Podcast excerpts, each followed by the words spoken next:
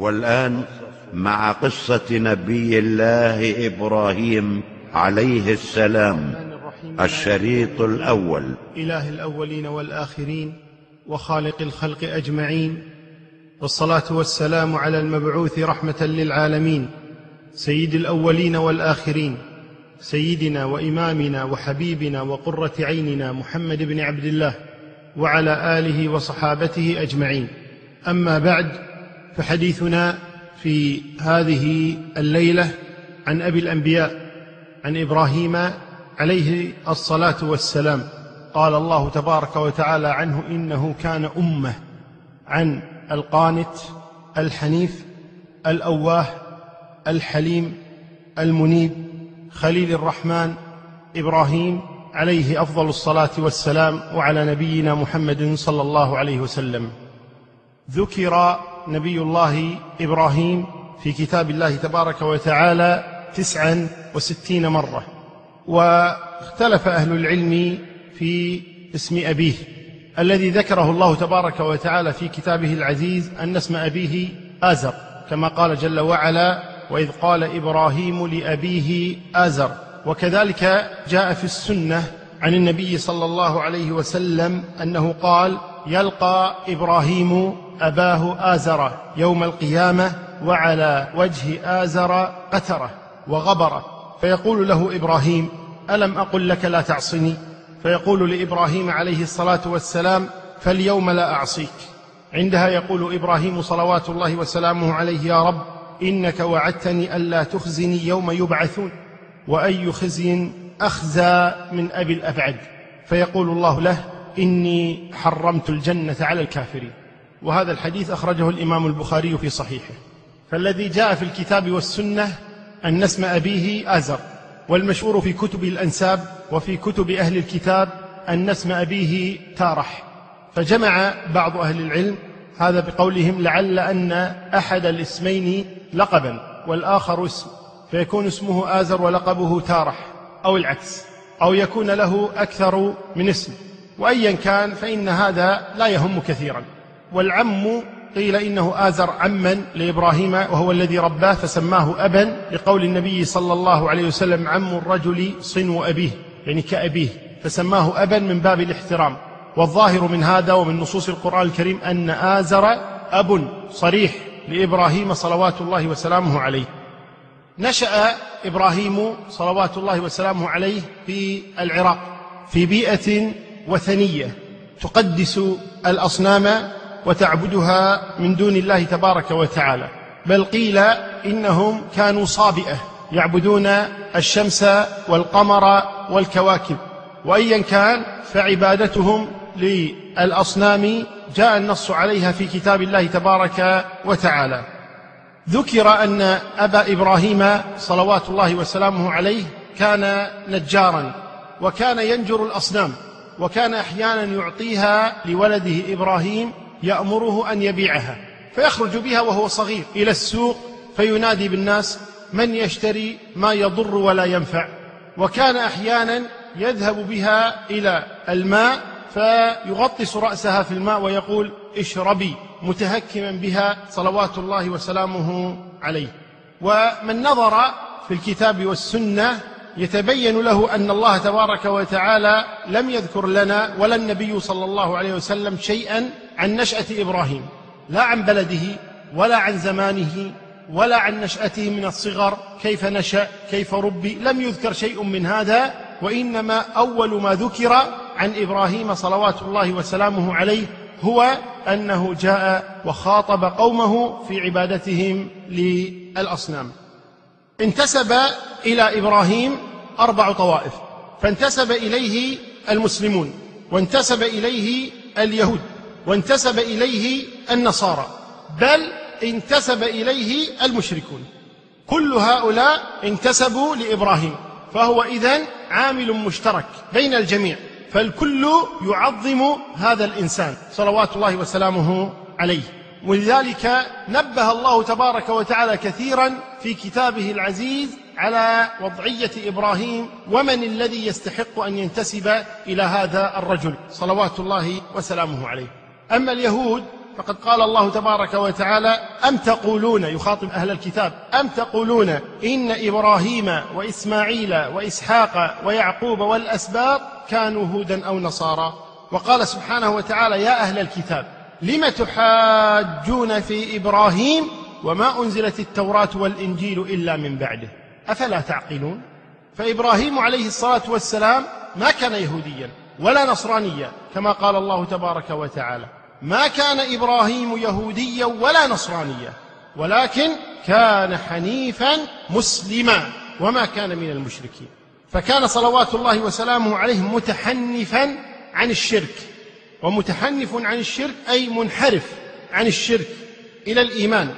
والآيات التي تبين حقيقة دعوة إبراهيم صلوات الله وسلامه عليه كثيرة جدا في كتاب الله تبارك وتعالى. فمنها قول الله جل وعلا إن إبراهيم كان أمة قانتا لله حنيفا ولم يك من المشركين شاكرا لأنعمه اجتباه وهداه إلى صراط مستقيم وآتيناه في الدنيا حسنة وإنه في الآخرة لمن الصالحين ثم أوحينا إليك أن اتبع ملة إبراهيم حنيفا وما كان من المشركين.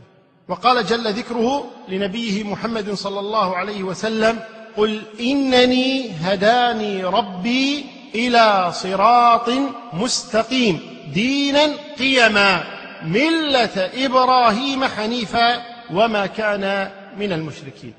وقال سبحانه وتعالى قل صدق الله فاتبعوا ملة إبراهيم حنيفا وما كان من المشركين. وقال وجاهدوا في الله حق جهاده هو اجتباكم وما جعل عليكم في الدين من حرج ملة. أبيكم إبراهيم هو سماكم المسلمين من قبل.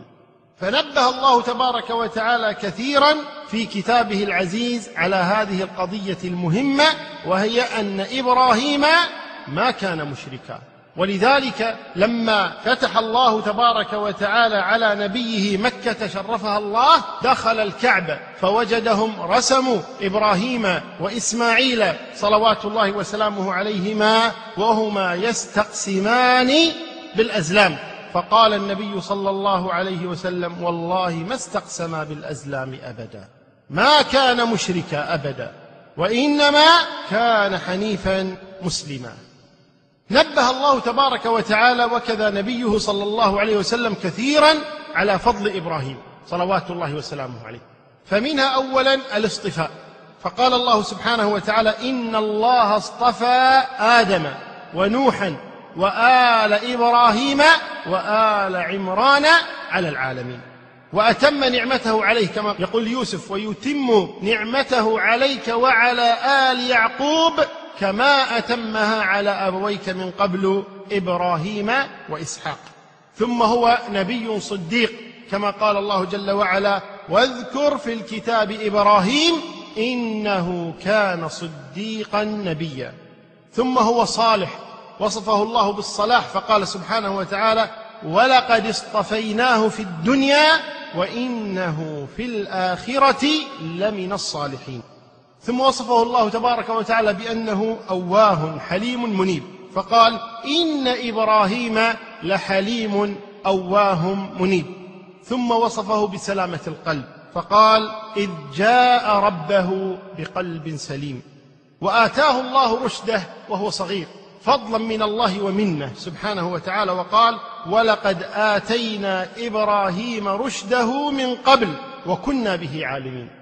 ثم رفع الله درجته فقال وتلك حجتنا آتيناها إبراهيم على قومه نرفع درجات من نشاء. ثم اتخذه الله خليلا واتخذ الله إبراهيم خليلا.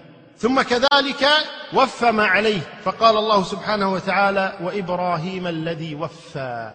أما عن النبي صلى الله عليه وسلم فقد جاء رجل إلى النبي صلوات الله وسلامه عليه فقال له يا خير البرية. فقال له صلوات الله وسلامه عليه ذاك إبراهيم خليل الله.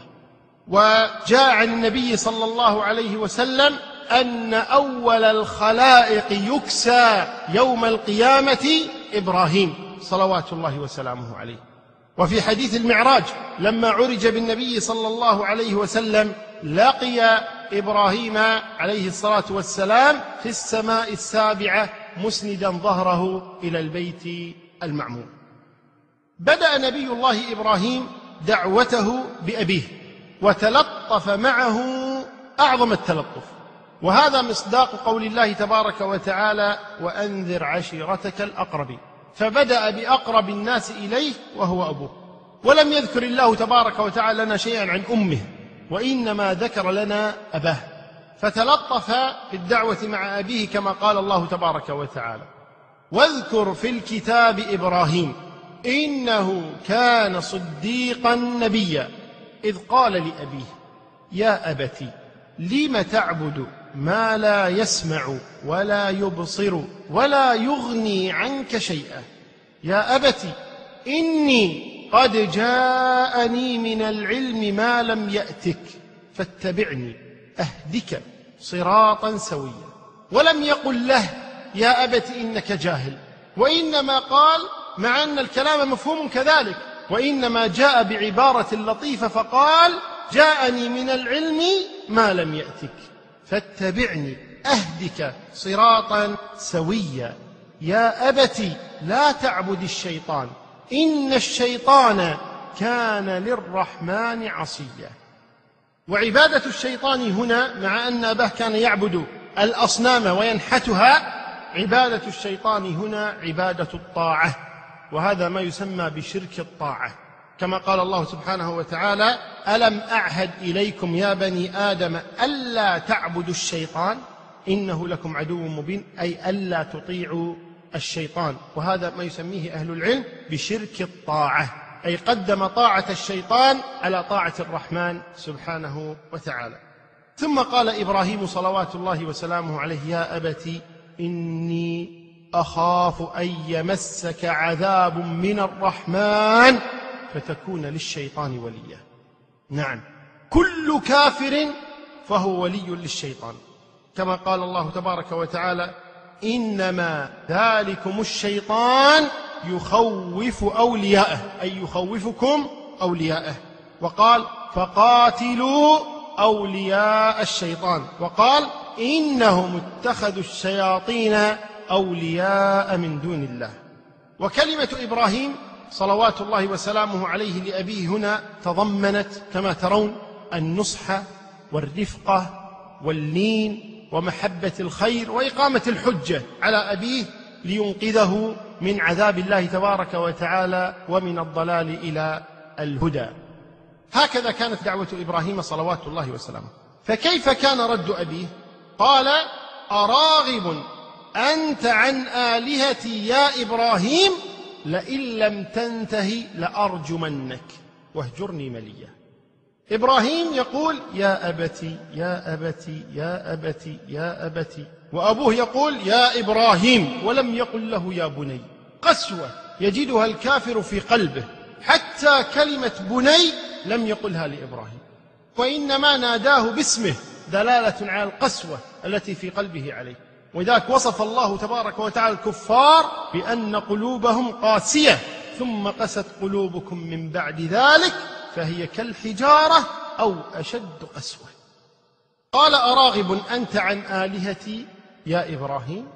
لئن لم تنتهي لأرجمنك. هناك رفق ولين ونصح وحرص وهنا لأرجمنك. ثم زادت هذه القسوة وقال اهجرني. فطلب الهجر من إبراهيم. ثم أي هجر؟ قال اهجرني مليا.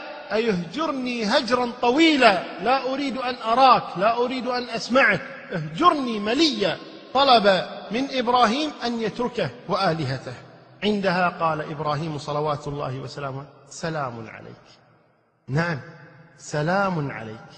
وإبراهيم صلوات الله وسلامه عليه ما صار خليل الرحمن ولا صار أبا الأنبياء ولا صار من أولي العزم من الرسل ولا نال هذا الفضل العظيم. عند الله تبارك وتعالى إلا بهذا. قال سلام عليك سأستغفر لك ربي إنه كان بي حفيا. سلام عليك. وهذا مصداق أمر الله تبارك وتعالى للمؤمنين في تعاملهم مع الجهال. وإذا قال الله تبارك وتعالى وعباد الرحمن الذين يمشون على الأرض هونا وإذا خاطبهم الجاهلون قالوا سلاما. وقال وإذا سمعوا اللغو أعرضوا عنه. وقالوا لنا أعمالنا ولكم أعمالكم سلام عليكم. لا نبتغي الجاهلين. فطبق نبي الله إبراهيم صلوات الله وسلامه عليه هذا الأمر فقال لأبيه سلام عليك. ثم قال سأستغفر لك ربي. وهذا وعد من إبراهيم صلوات الله وسلامه. وعد أباه. قال سأستغفر لك ربي. وقد وفى صلوات الله وسلامه عليه بهذا الوعد. فقال واغفر لأبي. إنه كان من الضالين. فوفى إبراهيم. قال سأستغفر. فاستغفر لأبيه. فقال واغفر لأبي. كما في الشعراء إنه كان من الضالين. ولكن لما تبين لنبي الله إبراهيم أن أباه عدو لله تبارك وتعالى تبرأ منه. قال الله جل وعلا فلما تبين له أنه عدو لله تبرأ منه. إن إبراهيم لأواه حليم. لما استغفر إبراهيم لأبيه وهو على شركه وضلاله وكفره اقتدى المسلمون بإبراهيم. صلوات الله وسلامه عليه. فاستغفروا لموتاهم من المشركين. واستغفر النبي صلى الله عليه وسلم لعمه أبي طالب. وكان يصلي على بعض المنافقين إذا ماتوا صلوات الله وسلامه عليه. فقال الله تبارك وتعالى ما كان للنبي والذين آمنوا أن يستغفروا للمشركين ولو كانوا أولي قربى من بعد ما تبين لهم أنهم أصحاب الجحيم. وقد أمر الله تبارك وتعالى المؤمنين بالاقتداء بإبراهيم صلوات الله وسلامه عليه. فقال قد كانت لكم أسوة حسنة في إبراهيم والذين معه إذ قالوا لقومهم إنا براء منكم ومما تعبدون من دون الله كفرنا بكم وبدا بيننا وبينكم العداوة والبغضاء أبدا حتى تؤمنوا بالله وحده. ثم استثنى الله تبارك وتعالى هذه القضية إلا استغفار إبراهيم لأبيه. فقال إلا قول إبراهيم لأبيه لأستغفرن لك. هذه لا مستثناة. في هذه لا تقتدوا بإبراهيم. صلوات الله وسلامه عليه. فمنعهم الله جل وعلا من الاستغفار للمشركين. وما كان استغفار إبراهيم لأبيه إلا عن موعدة وعدها إياه. فلما تبين له أنه عدو لله تبرأ منه. اذا لا تقتدوا به في هذه وهي استغفاره للمشركين لأنه إنما كان عن موعده ثم ترك ذلك إبراهيم صلوات الله وسلامه عليه. إذا نبقوا أنتم على ما ترك إبراهيم وهو عدم الاستغفار للمشركين. كذلك قال إبراهيم صلوات الله وسلامه عليه لأبيه وإذ قال إبراهيم لأبيه آزر أتتخذ أصناما آلهة؟ أصنام؟ أتتخذ أصناما آلهة؟ إني أراك وقومك في ضلال مبين. وقال سبحانه وتعالى واتل عليهم نبأ إبراهيم. إذ قال لأبيه وقومه ما تعبدون؟ قالوا نعبد أصناما فنظل لها عاكفين. قال هل يسمعونكم إذ تدعون؟ أو ينفعونكم؟ أو يضرون؟ قالوا بل وجدنا آباءنا كذلك يفعلون. قال أفرأيتم ما كنتم تعبدون؟ أنتم وآباؤكم الأقدمون؟ فإنهم عدو لي إلا رب العالمين. وقال ولقد آتينا إبراهيم رشده من قبل وكنا به عالمين إذ قال لأبيه وقومه ما هذه التماثيل التي أنتم لها عاكفون؟ قالوا وجدنا آباءنا لها عابدين. وقال وإبراهيم إذ قال لقومه اعبدوا الله واتقوه ذلكم خير لكم إن كنتم تعلمون. إنما تعبدون من دون الله أوثانا وتخلقون إفكا. إن الذين تعبدون من دون الله لا يملكون لكم رزقا. فابتغوا عند الله الرزق واعبدوه واشكروا له إليه ترجعون. هذا حديث إبراهيم صلوات الله وسلامه عليه لأبيه يحذره من الشرك الذي وقع فيه تسجيلات إلاف الإسلامية. ثم تأتينا المرحلة الثانية من دعوة إبراهيم صلوات الله وسلامه عليه ألا وهي دعوته لقومه.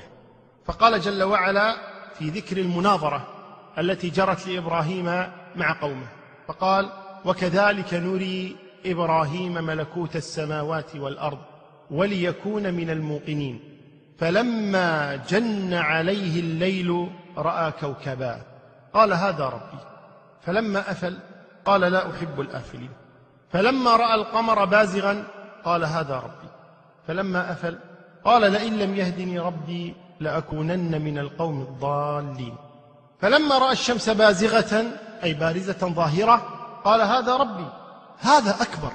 أكبر من النجم وأكبر من القمر. هذا أكبر. فلما افلت قال يا قوم إني بريء مما تشركون. إني وجهت وجهي الذي فطر السماوات والأرض حنيفا وما أنا من المشركين. إن موقف إبراهيم صلوات الله وسلامه عليه من هذه الكواكب موقف مناظرة لا موقف نظر. ما شك إبراهيم ابدا في الله جل وعلا ولا فكر يوما أن النجم يمكن أن يكون ربا أو أن القمر يمكن أن يكون ربا أو أن الشمس يمكن أن تكون ربا أبدا. وإنما هذا على سبيل التنزل في المناظرة مع قومه. وهذا أمر شائع في المناظرات. ولذلك قال بعدها تلك حجتنا آتيناها إبراهيم على قومه. إذن هو أراد أن يقيم عليهم الحجة وما أراد ابدا أن هذا إله من دون الله تبارك وتعالى أو رب خلق وصور وسوى. وكأن إبراهيم صلوات الله وسلامه عليه قال لقومه تعالوا فلننظر هذا النجم هل يستحق أن يكون ربا؟ هذا القمر هل يستحق أن يكون ربا؟ هذه الشمس هل تستحق أن تكون ربا؟ أفلا أفلا أفلت. أي غاب النجم غاب. القمر غابت الشمس ولا ينبغي لرب أن يغيب. سبحانه وتعالى. والمناظر قد يقول شيئا وهو لا يعتقده من باب الإلزام. ولذلك سيأتينا قول إبراهيم صلوات الله وسلامه عليه لقومه لما جاءوا وكسر أصنامهم قالوا أنت فعلت هذا بآلهتنا يا إبراهيم؟ قال بل فعله كبيرهم هذا. فاسألوهم إن كانوا ينطقون. فهذا على سبيل المناظرة لا على سبيل الاعتقاد. فهو أراد أن يلزمهم وأن يقيم عليهم الحجة صلوات الله وسلامه عليه. وفي قوله هذا ربي يحتمل أن يكون هذا من باب الاستفهام. فكأن إبراهيم صلوات الله وسلامه عليه جلس مع قومه. فلما رأى النجم قال لهم هذا ربي؟ بإسقاط الهمزة. أهذا ربي؟ أهذا تزعمون أنه ربا؟ فلما غاب طلع القمر. فقال أهذا ربي؟ فلما غاب طلعت الشمس. قال أهذا ربي؟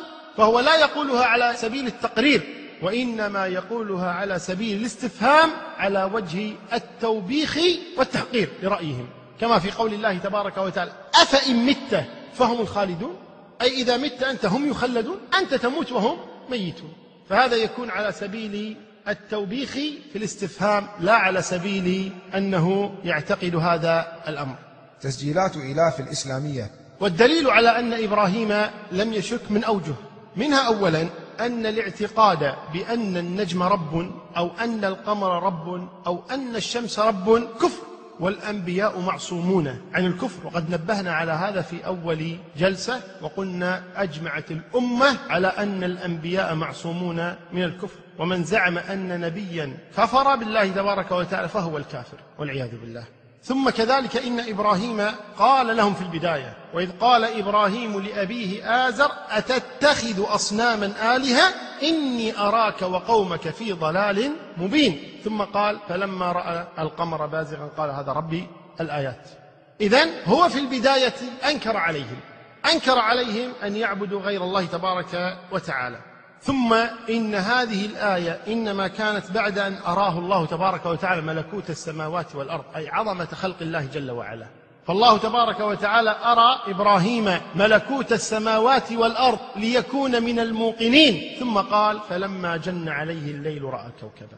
فالذي أراه الله ملكوت السماوات والأرض لا يمكن أبدا أن يشك بأن النجم رب أو أن القمر رب أو أن الشمس رب.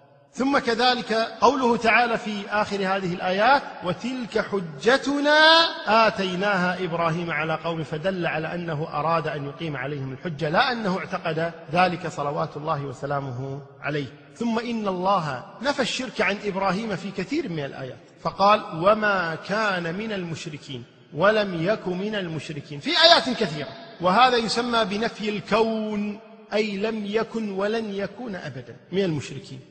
فلم يكن إبراهيم يوما ما من المشركين وهذا نص من الله تبارك وتعالى إذ يستغرق جميع الزمن الذي عاش فيه إبراهيم لم يكن فيه مشركا أبدا صلوات الله وسلامه عليه.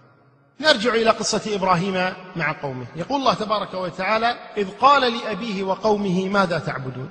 أئفكا آلهة دون الله تريدون؟ فما ظنكم برب العالمين؟ فنظر نظرة في النجوم فقال إني سقيم فتولوا عنه مدبرين. فراغ إلى آلهتهم فقال ألا تأكلون؟ ما لكم؟ لا تنطقون؟ فراغ عليهم ضربا باليمين. وهنا في قول الله تبارك وتعالى فنظر نظرة في النجوم فقال إني سقيم. وذلك أن قومه أرادوا أن يخرجوا إلى عيدهم كما ذكر أهل السير والتاريخ أنهم أرادوا أن يخرجوا إلى عيدهم. وطلبوا من إبراهيم أن يخرج معهم صلوات الله وسلامه عليه. فقال إني سقيم. نظر إلى السماء نظر نظرة في النجوم فقال إني سقيم. من المعلوم من الدين بالضرورة. ومعنى بالضرورة أي لا يعذر أحد في جهله. من المعلوم من الدين بالضرورة أن الأنبياء صادقون في كل ما أخبروا به صلوات الله وسلامه عليه عن الله عز وجل. وأن من كذب نبيا في خبر فهو كافر. من كذب نبيا في خبر فهو كافر بالله تبارك وتعالى. فهل كان إبراهيم سقيما؟ أي مريضا؟ وهل يجوز أن ينسب إليه الكذب؟ صلوات الله وسلامه عليه. قال رسول الله صلى الله عليه وسلم كما في الحديث الصحيح لم يكذب إبراهيم إلا ثلاث كذبات. في قوله إني سقيم وفي قوله بل فعله كبيرهم هذا وفي قوله عن زوجته عند الملك الظالم إنها أختي. هذه ثلاث كذبات تنسب إلى نبي الله إبراهيم صلوات الله وسلامه عليه. بل قد جاء في الحديث الصحيح حديث الشفاعة أن الناس يذهبون إلى إبراهيم صلوات الله وسلامه عليه فيقول له أنت خليل الله اشفع لنا عند ربك. فيقول صلوات الله وسلامه عليه إني قد كنت كذبت ثلاث كذبات. وهذا الحديث متفق عليه. فهل يجوز أن ينسب إلى إبراهيم الكذب صلوات الله وسلامه عليه أو لا؟ النبي الذي هو من أعظم الناس تعظيما لإبراهيم صلوات الله وسلامه حتى قال لما قال إبراهيم ربي أرني كيف تحيي الموتى قال أولم تؤمن؟ قال بلى ولكن ليطمئن قلبي. قال النبي صلى الله عليه وسلم نحن أولى بالشك من إبراهيم. فنزهه صلوات الله وسلامه. وكثيرا ما كان يمتدح بنسبته إلى إبراهيم بل إن الله كثيرا ما كان يقول له اتبع ملة إبراهيم اتبع ملة إبراهيم. فكان يمتدح نبي الله إبراهيم صلوات الله وسلامه عليه. بل إن إبراهيم نسب هذا إلى نفسه وقال كذبت ثلاث كذبات. وجاء النبي صلى الله عليه وسلم أنه قال كذب في ذات الله فكيف يحمل هذا الكذب؟ قال أهل العلم اولا هذه الكذبات الثلاث إنما كانت قبل النبوة. كل هذه الكذبات التي نسبت إلى إبراهيم صلوات الله وسلامه عليه إنما كانت قبل النبوة. وهذا إنما كان من باب الفطرة أي فطرة إبراهيم كانت سليمة ولذلك لما كان يبعثه أبوه ليبيع الأصنام كان يقول من ذا الذي يشتري ما يضر ولا ينفع؟ وكان ينكر على قومه عبادة الأصنام وذلك قبل النبوة. ولذا يأتينا عندما يكسر إبراهيم الأصنام ماذا يقول قومه عندما يجدونها مكسرة؟ يقول سمعنا فتى فتى يذكرها يقال له إبراهيم. اذا هو غير معروف. هو فتى أي صغير ثم هو غير معروف. يقال له إبراهيم. ولو كان قد بعث إليهم ما كانوا يقولون فتى يقال له إبراهيم. فهذا أولا. وكذا الأمر بالنسبة لقوله بل فعله كبيرهم لأنها في قصة واحدة. وكذا في ذهابه إلى ذلك الملك قالوا كذلك يكون قبل بعثته صلوات الله وسلامه عليه. والجواب الثاني أنهم قالوا إنما قال هذا من باب التورية خاصة عندما قال إني سقيم. إذ لا يلزم أن يكون يريد المرض الذي هو علة في الجسد وإنما هو سقيم كما قال النبي صلى الله عليه وسلم إن الميت لا يعذب ببكاء أهله أي العذاب النفسي يتعذب لأجلهم لأجل ما يرى ما هم عليه من الضلال. قالوا إن الميت ليعذب ببكاء أهله عليه. وكذلك يكون إني سقيم مما أراه منكم من ضلال. سقيم مما أراه منكم من باطل ومن كفر بالله وعبادة للأصنام التي لا تضر ولا تنفع. بل تضر ولا تنفع. فيكون هذا من باب التورية لا من باب الكذب. وكذا قوله بل فعله كبيرهم هذا إنما قاله لهم من باب الاستهزاء والتحقير لهم. ولذلك قال بعدها فاسألوهم إن كانوا ينطقون. اسألوهم هذه كسرت من كسرها؟ اسألوا هذا الكبير هل هو الذي كسر أو لا؟ وأما قوله لزوجته إنها أخته فإن هذا على سبيل دفع أعظم المفسدتين وذلك أنهم ذكروا أن ذلك الملك إذا عرف أن لها زوجا قتله وأخذها لنفسه. فلذلك دفع إبراهيم أعظم المفسدتين بأخفهما فكذب وقال هي أختي لينجو من القتل وتنجو هي من الاغتصاب. وهذا عين العقل بل هذا هو الواجب. في الشرع أن الإنسان إذا اعترضته مفسدتان ولا بد من الوقوع في إحداهما فإنه يقدم أخف المفسدتين. ولذلك لو دخل بيتك رجل مظلوم وخلفه من يريد أن يقتله أو يؤذيه ثم جاء واختبأ عندك وجاء ذاك وسأل قال أين فلان؟ قلت له والله لولا أن الكذب حرام لقلت إنه غير موجود هو في الداخل. أنت آثم ومجرم بفعلك هذا. لأنك عرضته للقتل بجهلك إنه لا يجوز الكذب. بل إن الكذب هنا واجب لتدفع القتل عن أخيك. فالقصد أن إبراهيم صلوات الله وسلامه عليه إنما قال هذا من باب دفع أعظم المفسدتين. ولذلك لما دعا إبراهيم قومه إلى عبادة الله تبارك وتعالى لم يقل له قومه إنك تكذب. وما اتهموه بالكذب لأنهم ما فهموا ابدا أن في قوله إني سقيم وأن في قوله بل فعله كبيرهم هذا أنه كذاب. بل فهموا أنه أراد إلزامهم بالحجة صلوات الله وسلامه عليه. ثم كذلك ليس فيه أنه خاطبهم بهذا فقال لهم إني سقيم بل قالها في نفسه إني سقيم أي مما أراه من ضلال قومه. خرج قومه إلى عيدهم وإبراهيم فيه حرقة على ما يفعله قومه. قال الله تبارك وتعالى فراغ إلى آلهتهم أي مسرعا متخفيا فدخل على الآلهة. فوجدها في بهو عظيم أي مكان متسع وضع لهذه الآلهة وقد وضع لها الطعام. فراغ إلى آلهته فدخل عليها. وجد هذا الطعام وهذا المكان والطعام كما هو ما تغير. فقال لهم ألا تأكلون؟ وهذا يفعله بعض الجهال الآن. يذهبون إلى المقابر ويصبون الحليب ويضعون البسكويت والطعام عند قبر الميت. يشاركهم في الطعام. هؤلاء يقال لهم كما قال إبراهيم لهذه الأصنام. ألا تأكلون؟ فجاء إلى هذه الأصنام. فقال ألا تأكلون؟ كلوا! وضع الطعام لأجلكم فكلوا! ألا تأكلون؟ ما لكم لا تنطقون! قولوا لا نريد قولوا لا نأكل قولوا لا نجوع قولوا نحن آلهة. ما لكم لا تنطقون. عبروا عن رأيكم. ما لكم لا تنطقون. ما لكم لا تنطقون. فراغ عليهم ضربا باليمين أي كسرها صلوات الله وسلامه عليه. فأقبلوا إليه يزفون. فواجههم وقال أتعبدون ما تنحتون؟ والله خلقكم. وما تعملون؟ قالوا ابنوا له بنيانا. فألقوه في الجحيم. يقول الله تبارك وتعالى فأرادوا به كيدا فجعلناهم الأسفلين. ويقول سبحانه وتعالى واتل عليهم نبأ إبراهيم إذ قال لأبيه وقومه ما تعبدون؟ قالوا نعبد أصناما فنظل لها عاكفين. قال هل يسمعونكم إذ تدعون؟ أو ينفعونكم أو يضرون؟ قالوا بل وجدنا آباءنا كذلك يفعلون. قال أفرأيتم ما كنتم تعبدون؟ أنتم وآباؤكم الأقدمون فإنهم عدو لي إلا رب العالمين. وقولهم عندما قال لهم إبراهيم هل يسمعونكم إذ تدعون؟ أو ينفعونكم أو يضرون؟ قالوا بل وجدنا آباءنا. وهي يسمونها حيدة.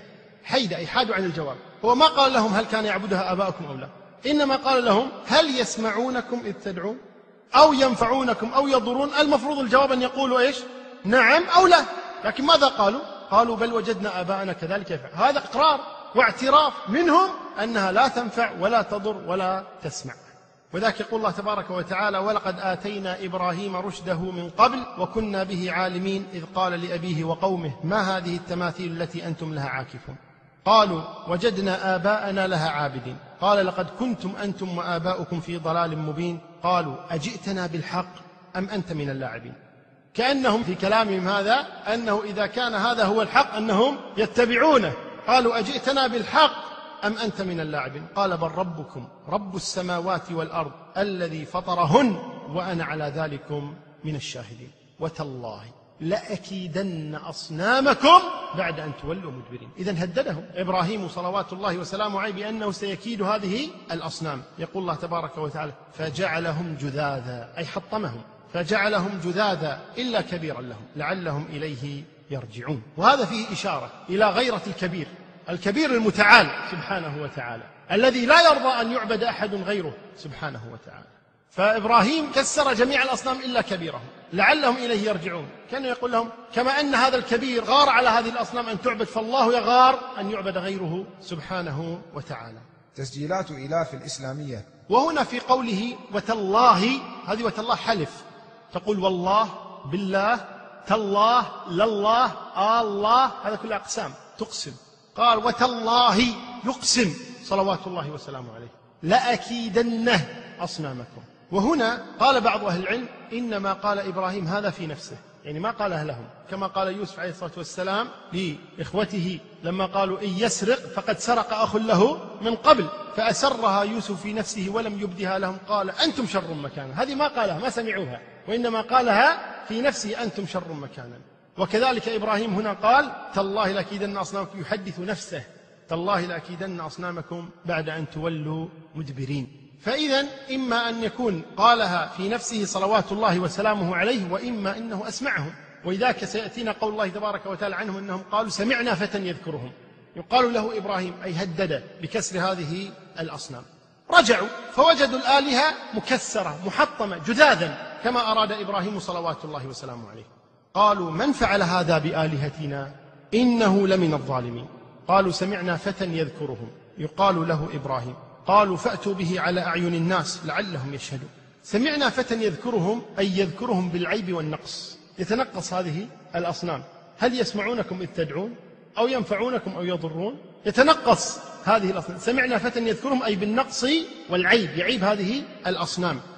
قالوا فأتوا به على أعين الناس. لعلهم يشهدون. هذا الذي يريده إبراهيم.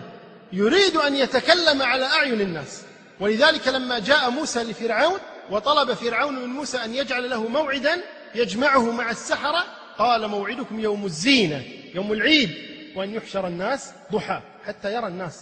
وغلام الأخدود كذلك عندما أراد الملك قتله ولم يستطع قال له غلام الأخدود إذا أردت قتلي فافعل ما أمر اجمع الناس. ثم افعل كذا وكذا. فهو يريد هذا الأمر إبراهيم صلى الله عليه وسلم وهو أن يحضروه على أعين الناس حتى يقيم الحجة على الجميع. صلوات الله وسلامه عليه. جمعوا مع الناس فقالوا لا أمام الناس. أأنت فعلت هذا بآلهتنا يا إبراهيم؟ قال بل فعله كبيرهم هذا. وأشار إلى الصنم الكبير. بل فعله كبيرهم هذا. فاسألوهم إن كانوا ينطقون وإن كانت لكم عقول تعقلون ما تقولون. فاسألوهم إن كانوا ينطقون. يقول الله تبارك وتعالى فرجعوا إلى أنفسهم فقالوا إنكم أنتم الظالمون. كلامه صحيح. أنتم الظالمون. لماذا تركتم الآلهة بدون حراسة وتركتم إبراهيم يكسرها؟ أنتم الظالمون. تستحقون ما أصابكم لأنكم تركتم الآلهة بدون حراسة. عندها قالوا إنكم أنتم الظالمون وهذا ما أراده إبراهيم صلوات الله وسلامه عليه بأنهم كما اعترفوا أمامه قالوا لقد علمت ما هؤلاء ينطقون. أرادهم أيضا أن يعترفوا أمام الناس مرة ثانية أن هذه الآلهة لا تنطق ولذا قالوا بل وجدنا آباءنا كذلك يفعلون. فاعترفوا أمام الناس وقالوا لقد علمت ما هؤلاء ينطقون. فقامت عليهم الحجة. ومن هذا أخذ أهل العلم في قول إبراهيم صلوات الله وسلامه عليه هل يسمعونكم إذ تدعون أو ينفعونكم أو يضرون؟ وقوله فاسألوهم إن كانوا ينطقون. أخذ أهل العلم من هذا أن الله تبارك وتعالى يوصف بالسمع والكلام سبحانه وتعالى. لأن إبراهيم عاب على الآلهة أنها لا تسمع. فعيب على إله أن لا يسمع. وعاب على الآلهة أنها لا تتكلم. لا ينطقون. فعيب في الإله أن لا يتكلم. ولذلك أخذ أهل العلم من هذا أن الله تبارك وتعالى يوصف بالسمع ويوصف بالكلام. من آيات أخرى كذلك أثبت له هذا. ولكن عيب في الإله أن لا يكون فيه هذا أو ذاك. قال إبراهيم أفتعبدون من دون الله ما لا ينفعكم شيئا ولا يضركم؟ أف لكم. ولما تعبدون من دون الله؟ أفلا تعقلون؟ قالوا حرقوه وانصروا آلهتكم. آلهة هي التي تصنع. آلهة يقدم لها الطعام. آلهة تحرس. آلهة تنصر. ما فائدة هذه الآلهة؟ هي تنصر هي تحرس هي تطعم هي تبنى هي تصنع. ما فائدة هذه الآلهة؟ ولكن الإنسان مفطور على أن يعبد. إن لم يعبد الله عبد غيره رغما عنه ولو كان إلها يصنعه هو ولو كان إلها يطعمه هو ولو كان إلها يحرسه هو وإن كان إلها ينصره هو. لكن يريد أن يعبد. لا يستطيع أن لا يعبد. وأنتم تعلمون الآن أن هناك من يعبد الفأر وهناك من يعبد النملة وهناك من يعبد الحجر والشجرة والشمس والقمر. والسعيد من وفق إلى عبادة من يستحق أن يعبد. وهو الله سبحانه وتعالى. انصروا آلهتكم. ولذلك ذكر عن بعضهم من كفار قريش أنه رأى إلهه من بعيد وإذا عنده ثعلب يبول عليه يبول على الصنم. فأخذته الغيرة على إلهه فصار يركض. فلما رآه الثعلب فر فوصل إلى الإله وإذا البول فوق رأس إلهه صنم فنظر إليه. ثم فكر قيم وقال أرب يبول الثعلبان برأسه؟ إيش هذا الرب.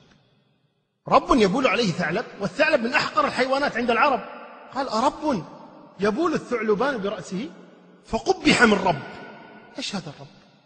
قبح من رب. ثم نظر إلى نفسه وقال وقبح عابده. إيش هذا الرب. رب ينصر رب يحمى. إيش هذا الرب.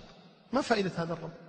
حينما هزموا وأقروا بهذه الهزيمة وأقام إبراهيم صلوات الله وسلامه عليهم الحجة لجأوا إلى القوة. وذلك أن نبي الله إبراهيم ألزمهم أحد أمرين. لما قال لهم بل فعله كبيرهم هذا فاسألوهم إن كانوا ينطقون. واحد من أمرين. إما أن يقولوا صدقت يا إبراهيم هم لا ينطقون ولا يسمعون ولا يدافعون عن أنفسهم. وإما أن يقولوا صدقت يا إبراهيم فعله كبيرهم هذا. وفي كلا الحالتين يخرج منها إبراهيم صلوات. وفي كلا الحالتين يخرج منها إبراهيم صلوات الله وسلامه عليه. وهم ألزموا واعترفوا بالأولى فقالوا لقد علمت ما هؤلاء ينطقون ولكنهم لما أعيتهم الحجة استخدموا القوة والبطش قالوا حرقوه وانصروا آلهتكم إن كنتم فاعلين. وهذه ما تسمى بشريعة الغاب شريعة الظفر والناب بالقوة. ما في حجة ما في عقل ما في منطق ما في إقناع. حرقوه. لئن اتخذت إلها غيري لتكونن من المسجونين. ما في خلاص. انتهى الإقناع. يناقشون في البداية فإذا ألزموا الحجة لجوا إلى القوة. يا أبتي يا أبتي يا أبتي يا أبتي أراغب أنت عن آلهتي يا إبراهيم لئن لم تنتهي لأرجمنك. قوة. خلاص اللجوء إلى القوة بعد أن تعييهم الحجة. أشعلوا نارا عظيمة. أرادوا أن يحرقوا إبراهيم صلوات الله وسلامه عليه فيها. وقد ذكروا أن المرأة كانت إذا مرضت تنذر. إن شفيت لأجمعن حطبا لحرق إبراهيم. فجمعوا حطبا عظيما لحرق إبراهيم حتى قالوا إنهم أشعلوا نارا عظيمة بحيث إنهم لم يستطيعوا أن يلقوا إبراهيم فيها. فوضعوه على آلة المنجنيق ورموه رميا لأنهم لا يستطيعوا أن يقتربوا من هذه النار. ومكروا مكرهم. وعند الله مكرهم. ومكروا مكرا. ومكرنا مكرا. ويمكرون. ويمكر الله. والله خير الماكرين. سبحانه وتعالى. أرادوا به كيدا فجعلناهم الأسفلين. فجاء الكفار وألقوا إبراهيم عليه الصلاة والسلام في النار فقال حسبي الله ونعم الوكيل. الله أكبر. مؤمن الصادق التقي النقي المخلص الذي امتلأ قلبه يقينا وإيمانا بالله تبارك وتعالى. يقول هذه الكلمة في هذا الوقت الحرج حسبي الله ونعم الوكيل. يرى الموت بعينيه سيلقى في هذه النار العظيمة. حسبي الله ونعم الوكيل. وذاك يقول ابن عباس رضي الله عنه وعن أبيه حسبي الله ونعم الوكيل. قالها إبراهيم لما ألقي في النار. وقالها محمد وأصحابه لما قيل لهم إن الناس قد جمعوا لكم فاخشوهم فزادهم إيمانا وقالوا حسبنا الله ونعم الوكيل. عندها جاء الفتح وجاء النصر من القوي العزيز الذي أمره إنما إذا أراد شيئا أن يقول له كن فيكون قلنا يا نار كوني بردا وسلاما.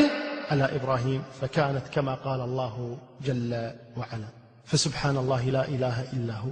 ملاذ المؤمنين ومنجي الصالحين. نبي الله إبراهيم لما عظم توكله على الله جل وعلا وهو يساق إلى النار سوقا التي من عادتها أن تحرق الأشياء فإن الذي أعطاها خاصية الإحراق سلبها منها عندما ألقي فيها إبراهيم صلوات الله وسلامه عليه. وقد جاء عن النبي صلى الله عليه وسلم أنه قال إن إبراهيم لما ألقي في النار جعلت الدواب كلها تطفئ النار عنه. حيوانات وإن من شيء إلا يسبح بحمده. حيوانات. تطفئ النار عن إبراهيم. يقول النبي صلى الله عليه وسلم إلا الوزغ فإنه جعل ينفخها عليه. وهذا أخرجه أحمد. وقال صلوات الله وسلامه اقتلوا الوزغ فإنه كان ينفخ النار على إبراهيم. حيوان الأصل فيه الإفساد وهو الوزغ وهو ما نسميه نحن برعصي. هذا كان ينفخ النار على إبراهيم ولذلك أمر الناس بقتله. الناس إذا رأوا هذا البريعس أو الوزغ أمر الناس أن يقتلوه لأنه كان ينفخ النار على إبراهيم. هذا طبعه الفساد. كما قال بعض الشعراء ثلاثة من طبعها الفساد الفأرة والبربر والجراد. يعني في أشياء هي من طبعها أن تفسد. فأفسد هذا الوزغ بأنه جعل ينفخ النار على إبراهيم صلوات الله وسلامه عليه. وهنا اشتهر عند الناس أنه لما رمي إبراهيم في النار وهو في الهواء جاءه جبريل وقال هل من حاجة؟ ألا تدعو الله تبارك وتعالى؟ فقال إبراهيم علمه بحالي يغني عن سؤالي.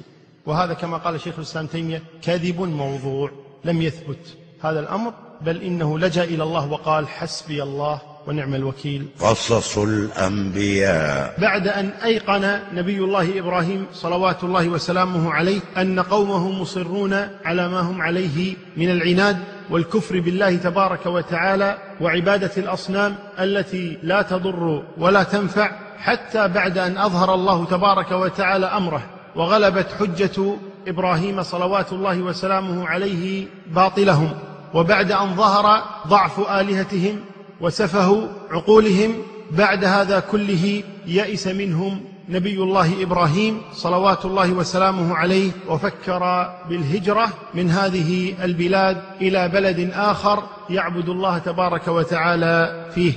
واختلف أهل العلم في البلد التي هاجر إليها نبي الله إبراهيم صلوات الله وسلامه عليه على قولين. قيل إنه هاجر إلى مكة المكرمة شرفها الله وقيل إنه هاجر إلى الشام. وهو لا شك في حياته قد دخل الشام ودخل مكة المكرمة. والهجرة ذكرت لإبراهيم صلوات الله وسلامه عليه في ثلاثة مواضع. في قول الله تبارك وتعالى عن إبراهيم أنه قال لقومه وأعتزلكم وما تدعون من دون الله فاعتزلهم في العبادة واعتزلهم كذلك في المكان. وفي قول الله تبارك وتعالى عن إبراهيم أنه قال وقال إني مهاجر إلى ربي. وفي قول الله تبارك وتعالى فآمن له لوط ونجيناه ولوطا إلى القرية التي باركنا فيها للعالمين. آمن لوط وقال إني مهاجر إلى ربي إنه هو العزيز الحكيم. وقال ونجيناه ولوطا إلى الأرض التي باركنا فيها للعالمين.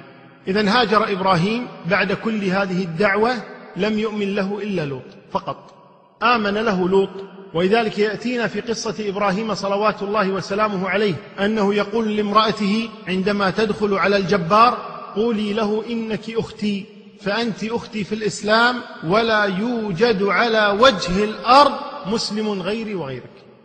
نبي الله إبراهيم خليل الرحمن خير الخلق بعد رسول الله محمد صلى الله عليه وسلم بذل ما بذل في سبيل الدعوة إلى الله تبارك وتعالى وناظر قومه عيانا جهارا وأبطل حجتهم وباطلهم وأظهر الله الحق على لسانه وأظهر الله معجزته بأن نجاه من النار التي بذلوا ما بذلوا في سبيل جمع الحطب إليها وإشعالها ومع هذا لم يؤمن به أحد. فما تقول أنت عندما تقصر في الدعوة إلى الله ويكون قليل من الإخلاص مع قليل من العلم مع قليل من التقوى وقليل من الجهد ثم يحزن الواحد منا إذا دعا ولم يستجب له أحد.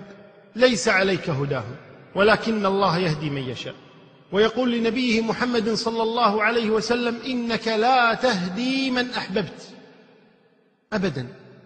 أنت عليك أن تفعل ما يأمرك الله به. عليك أن تؤدي ما عليك. عليك أن لا تأتي يوم القيامة وقد قصرت في الدعوة إلى الله تبارك وتعالى.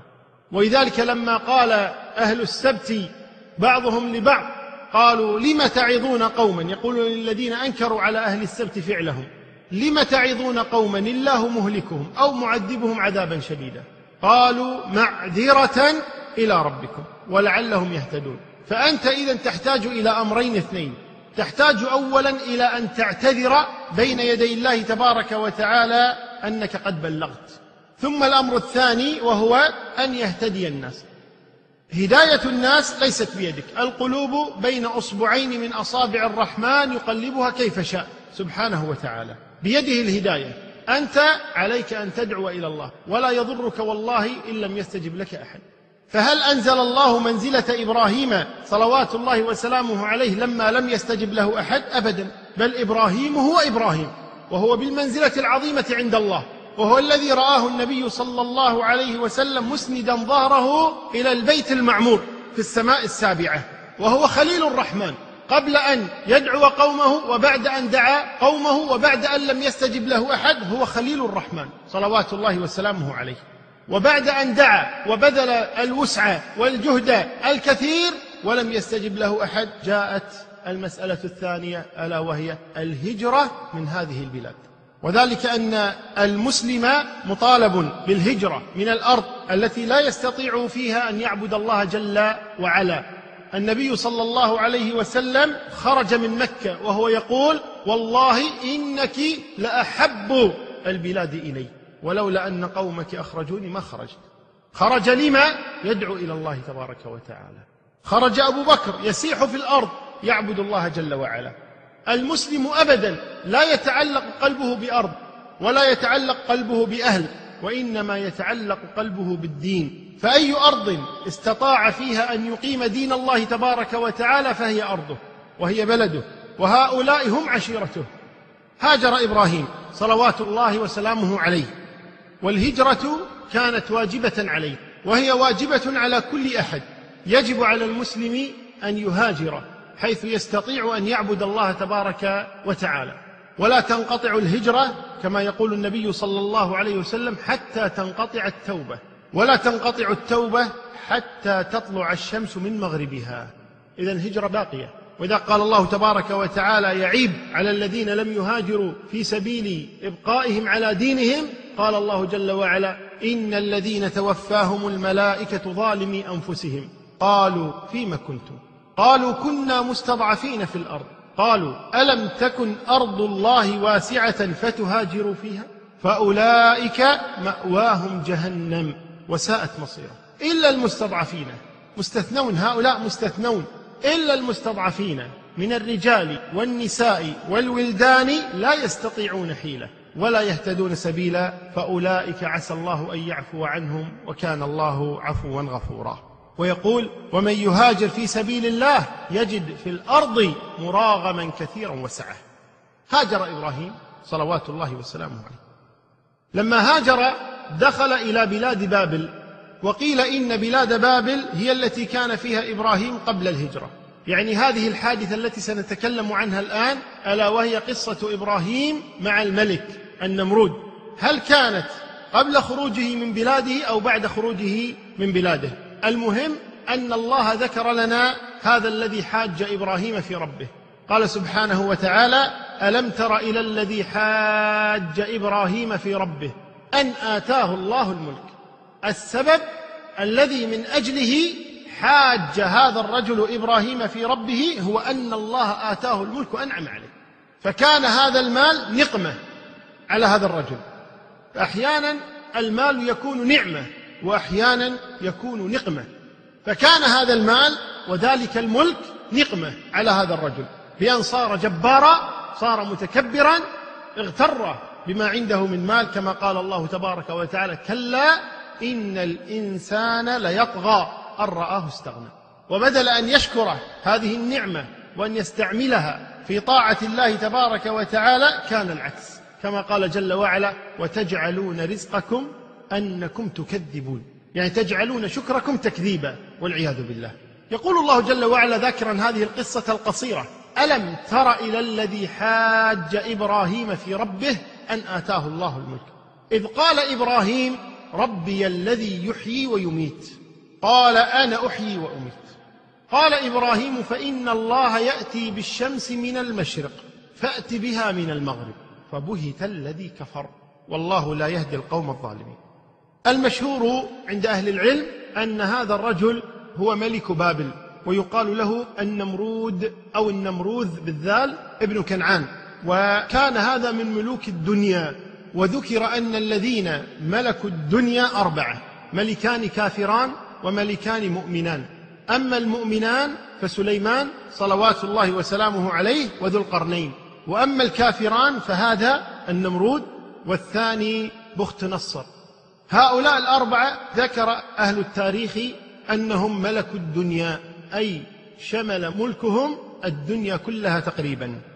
كان إبراهيم صلوات الله وسلامه عليه قد جاء إلى هذا الملك يطلب الميرة أي الطعام إذ كان يوزع الطعام على الناس. فناظر إبراهيم في ربه تبارك وتعالى. بدأ معه إبراهيم هذه المناظرة وكثرت مناظرات إبراهيم صلوات الله وسلامه عليه. ناظره فقال ربي الذي يحيي ويميت. لأن ذاك الرجل كان يدعي أنه رب مع الله إله ثاني. قال ربي الذي يحيي ويميت. قال أنا أحيي وأميت. وقد ذكر أهل العلم أن مقولته أنا أحيي وأميت أراد أنه يأتي برجلين فيحكم عليهما بالموت. ثم قبل التنفيذ يسامح أحدهما وينفذ في الآخر. فيكون الذي سامحه كأنه مات فأحياه. ويكون الذي حكم عليه بالموت قد أماته وهذا أمر واضح. وهذا لا شك تلبيس وتدليس. وكذب. الله يحيي من العدم سبحانه وتعالى. وهذا يلبس على الناس. يدعي أنه أحياه من العدم وليس الأمر كذلك. وإنما الإنسان موجود فحكم عليه بالموت ثم سامحه. ولو قال قائل النمرود لم لم يقل لإبراهيم أنا أيضا آتي بالشمس من المشرق فليأتي بها ربك من المغرب. وذلك أنه لما قال أنا أحيي وأميت تركه إبراهيم صلوات الله وسلامه إلى دليل أوضح من هذا الدليل. وذلك ليفضحه على الملأ وليكشف عجزه عن الأول والثاني. كأنه يقول له إذا كنت تدعي أنك تحيي وتميت فأنت الذي تنشئ الخلق وتوجد من العدم فأنا آتيك بأبسط منها. إيت بالشمس من المغرب. إذا كنت أنت تحيي وتميت فأنا أطلب منك أسهل من هذه. أنا أطلب منك أن تأتي بالشمس من المغرب. فانتقل منه من ذاك إلى الثاني حتى يبطل حجته أمام الناس. ولذلك لم يقل النمرود أنا آتي بالشمس من المشرق فليأت بها ربك من المغرب. لأنه لو قال ذلك لظهر كذبه لأنه لا يمكنه ذلك. لأن إبراهيم سيقول له بعدها فإن كان الأمر كذلك فأت بها من المغرب إذا كنت أنت الذي تأتي بها من المشرق. وأيضا لم يطلب من إبراهيم أن يأتي بالشمس من المغرب لأنه يعلم أنها سنن كونية وأن هذه السنن لا تتغير لأجل مناظرة أمثال هذا الرجل. قال ابن كثير رحمه الله تعالى وهذا المعنى أحسن من قول بعضهم إن إبراهيم عدل عن المقام الأول لمجرد أنه أوضح من الثاني. لا وإنما أراد أن يعجزه بالأول والثاني. صلوات الله وسلامه عليه. تسجيلات إلاف الإسلامية. ذكر أهل العلم أنه بعد هذه المناظرة القصيرة منع النمرود إبراهيم من الميرة. يعني لم يعطه الطعام. عقوبة لإبراهيم صلوات الله وسلامه لأجل هذه المناظرة حيث أظهر عجزه أمام الناس كما قال الله جل وعلا فبهت الذي كفر. بهت أي انقطع. ولم يحر جوابا. بهت. عندها منع إبراهيم من الميرة. رجع إلى أهله. فلما كان في الطريق بعد هذه المناظرة وهذا الخوف من ذلك الرجل الذي كان يمكن أن يبطش به يرجع إلى أهله الآن ولم يأتهم بالطعام فمر على كثيب تراب أي جمع مجموعة تراب. فمر عليه وجعل في العدل أي المكان الخرج القربة أو ما شابه التي سيضع فيها الطعام فوضع فيها التراب. قال ليسكت أهله. حتى إذا دخل البيت قالت أين الطعام؟ هذا الطعام. ثم يذهب ويرتاح. فدخل البيت ووضع العدلين اللذين ملأهما ترابا ثم دخل ونام. صلوات الله وسلامه عليه. فلما استيقظ وإذا زوجته سارة قد أعدت الطعام. فاستغرب قال من أين لكم الطعام؟ قالت هذا الذي جئت به. هذا الذي أنت جئت به. فعرف أن الأمر من عند الله جل وعلا وأنه رزق ساقه الله سبحانه وتعالى إليه. ووقعت لإبراهيم كذلك حوادث كثيرة. منها أنه ابتلي بملك جبار. قيل هو النمرود نفسه الذي ذكرناه الآن وقيل غيره. قال رسول الله صلى الله عليه وسلم الحديث الذي أخرجه الإمام البخاري في صحيحه ومسلم كذلك قال لم يكذب إبراهيم إلا ثلاث كذبات ثنتين منهن في ذات الله. قوله إني سقيم وقوله بل فعله كبيرهم هذا يعني الصنم الكبير. ثم قال صلوات الله وسلامه في ذكر الثالثة قال وبين هو ذات يوم وسارة إذ أتى على جبار من الجبابرة. فقيل له أي قيل للجبار بطانة السوء قالت لهذا الجبار إن ها هنا رجلا معه امرأة من أحسن الناس. يعني جميلة.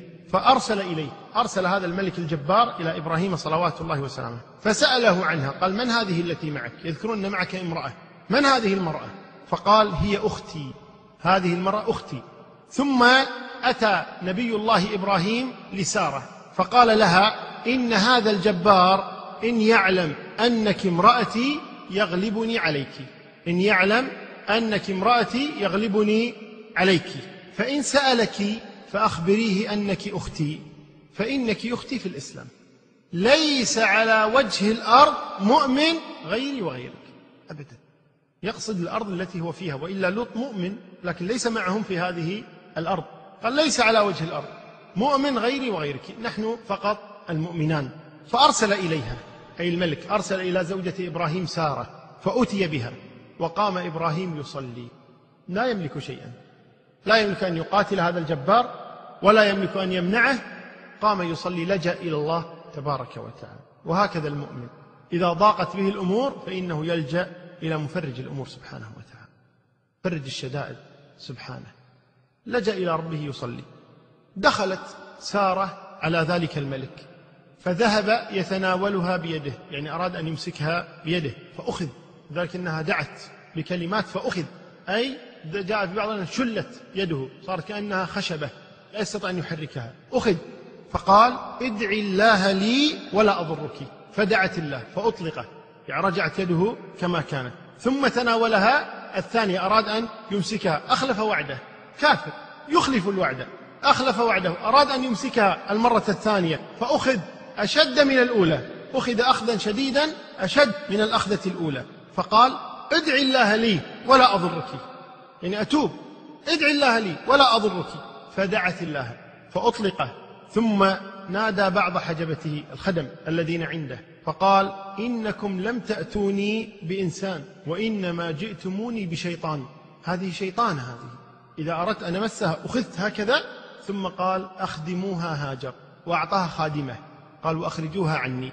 فأتت سارة معها الخادمة إلى إبراهيم صلوات الله وسلامه عليه وهو ما زال يصلي. فأومأ بيده مهيم ماذا حدث؟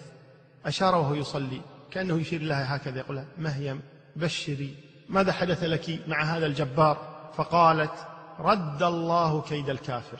ولم تقل رددته أنا وإنما رد الله كيد الكافر في نحره وأخدم هاجر. وأعطاني أيضا خادمة وهي هاجر. يقول أبو هريرة راوي الحديث تلك أمكم يا بني ماء السماء. تلك أمكم يا بني ماء السماء. وهذا الحديث كما قلنا أخرجه البخاري ومسلم. ومعنى قول أبي هريرة تلك أمكم يا بني ماء السماء يقول للعرب يقول هذه هاجر التي أخدمها هذا الملك لسارة هي أمكم يا بني ماء السماء. وماء السماء هو زمزم الذي أخرجه الله تبارك وتعالى لإسماعيل كما سيأتينا. وسمي ماء السماء لأنه إنما خرج بأمر الله تبارك وتعالى. فأنتم أبناء المرأة التي بسببها خرج هذا الماء لكم في الأرض التي تعيشون أنتم فيها. طيب لو قال قائل لما قال إبراهيم إنها أختي؟ لما لم يقل زوجتي؟ خاصة وأن الملك إذا أراد أن يغتصب هذه المرأة لا يختلف الأمر عنده أختا كانت أو زوجة فإنه سيغتصبها. فهل إذا كانت أختا سيمتنع؟ وإذا كانت زوجة سيغتصبها؟ ما الفرق عنده؟ لا فرق حقيقة. عند الرجل لا فرق.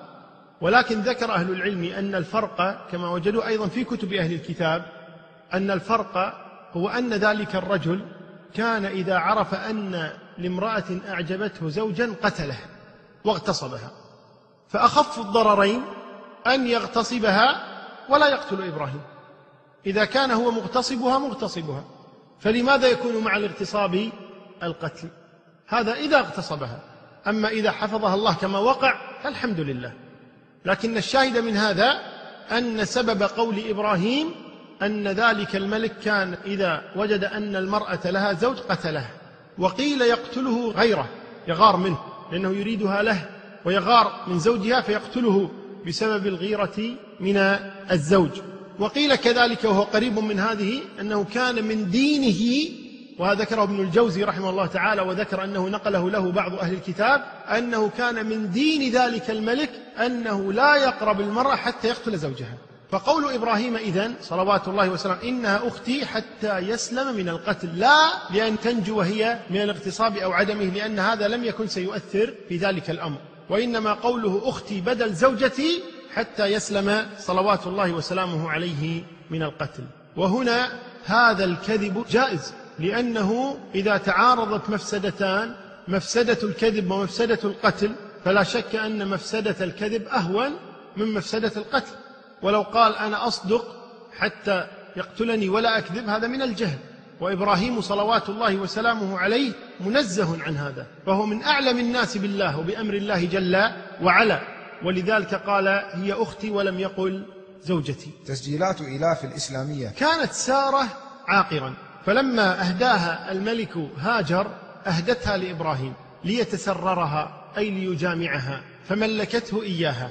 فقربها إبراهيم صلوات الله وسلامه عليه فأنجبت له أنجبت له إسماعيل. فلما أنجبت هاجر غارت سارة. غارت وهذه غيرة في النساء فغارت منها. كيف أنا أهدي له وتنجب له؟ الآن سيحبها أكثر مني له منها ولد وليس له مني ولد. فوقعت الغيرة في قلب سارة. عند ذلك خرج إبراهيم صلوات الله وسلامه بهاجر وابنها إسماعيل مهاجرا أيضا. أخذهما إلى مكة. وهذا يقرب أن إبراهيم إنما هاجر في بداية الأمر إلى الشام.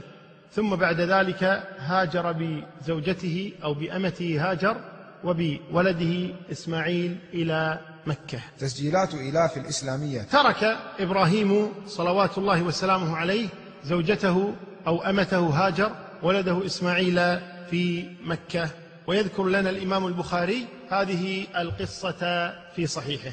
عن ابن عباس رضي الله تبارك وتعالى عنهما قال أول ما اتخذ النساء المنطقة من قبل أم إسماعيل. المنطق هو النطاق الذي يربط به. يقول أول من اتخذه أم إسماعيل. اتخذت منطقا لتعفي أثرها على سارة.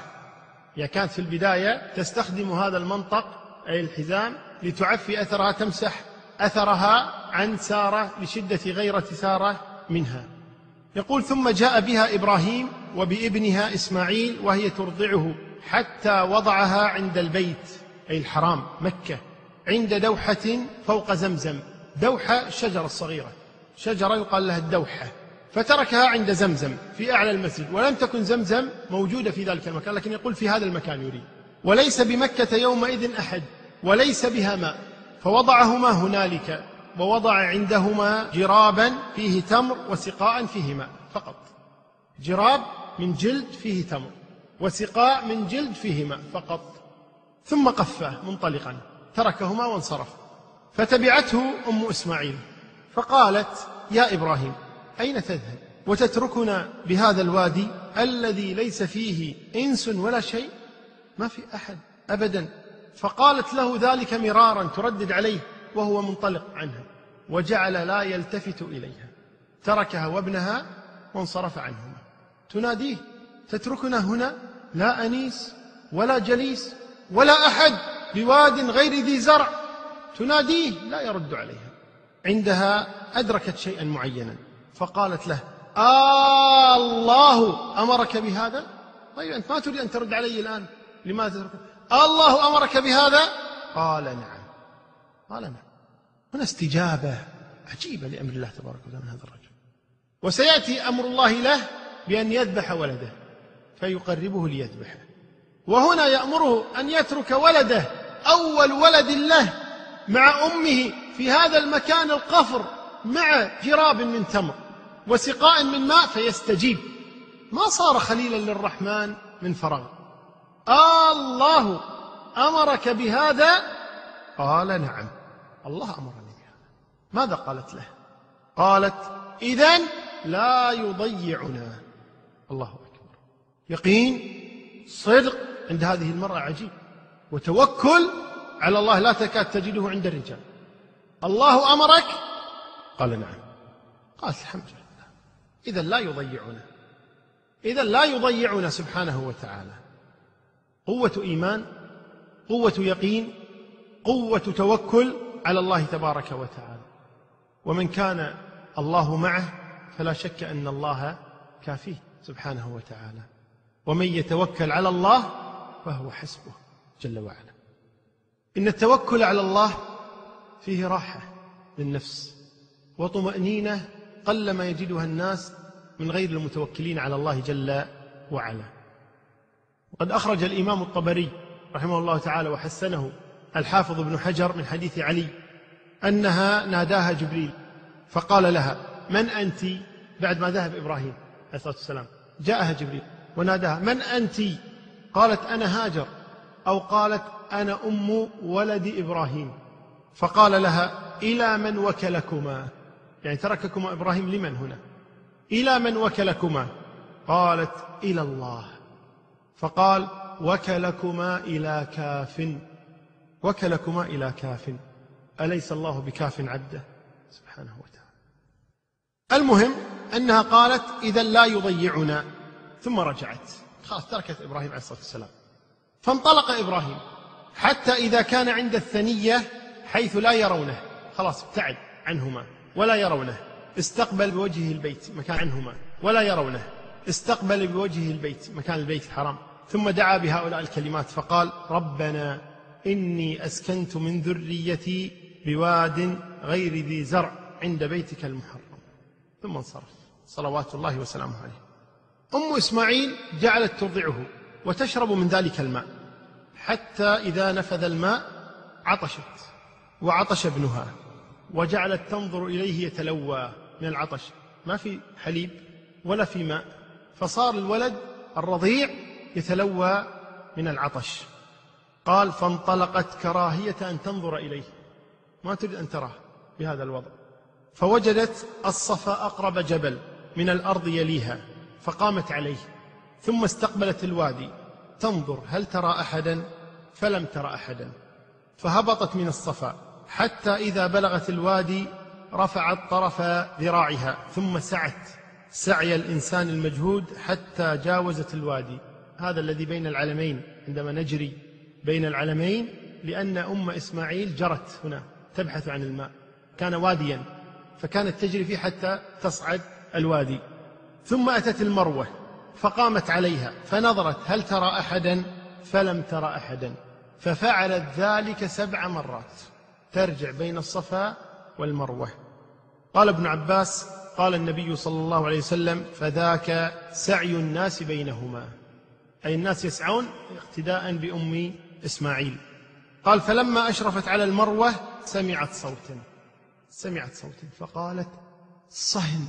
مع أن ما في أحد تسكته تسكت نفسها تحدث نفسها صهن. ويقول أهل اللغة هناك فرق بين الصهن وصح. صهن وصح. يقول صح اسكت. لا تتكلم. صهن يعني اسكت لحظة. أريد أن أسمع شيئا. فقالت صهن تريد أن تسمع هذا الصوت؟ تتمنى أن تسمع صوتا؟ قالت صهن ثم تسمعت. فقالت قد أسمعته إن كان عندك غواث. يعني إذا كان هنا أحد وتكلمت أسمعته إن كان عندك غواث أغث.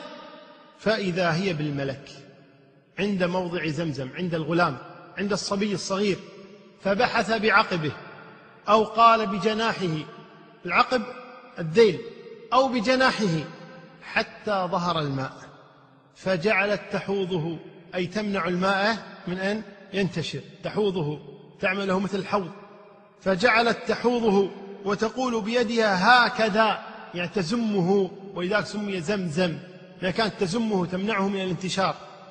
ثم قال وجعلت تغرف من الماء في سقائها وهو يفور بعدما تغرف. كلما غرفت في السقاء كلما فار الماء.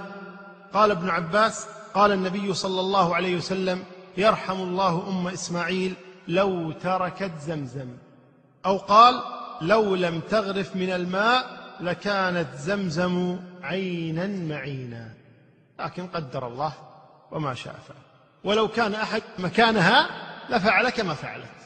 لأنه يخشى أن يكون هذا الماء قليلا ثم إذا تركته ذاب في الأرض ولم تستفد منه. فإذا كانت تحوض حتى لا يخرج وتجعل منه شيئا في هذا السقاء حتى تبقى الحياة لها ولولدها ثم شربت وأرضعت ولدها فقال لها الملك لا تخاف الضيعة. ألست قلت إذا لا يضيعنا؟ إذا لا تخاف الضيعة لن يضيعك سبحانه وتعالى. لا تخاف الضيعة فإنها هنا بيت الله يبنى يبنيه هذا الغلام وأبوه وإن الله لا يضيع أهله سبحانه وتعالى. نقف الآن إن شاء الله تعالى ونكمل الأسبوع القادم. والله عليه وسلم. أفلم يسيروا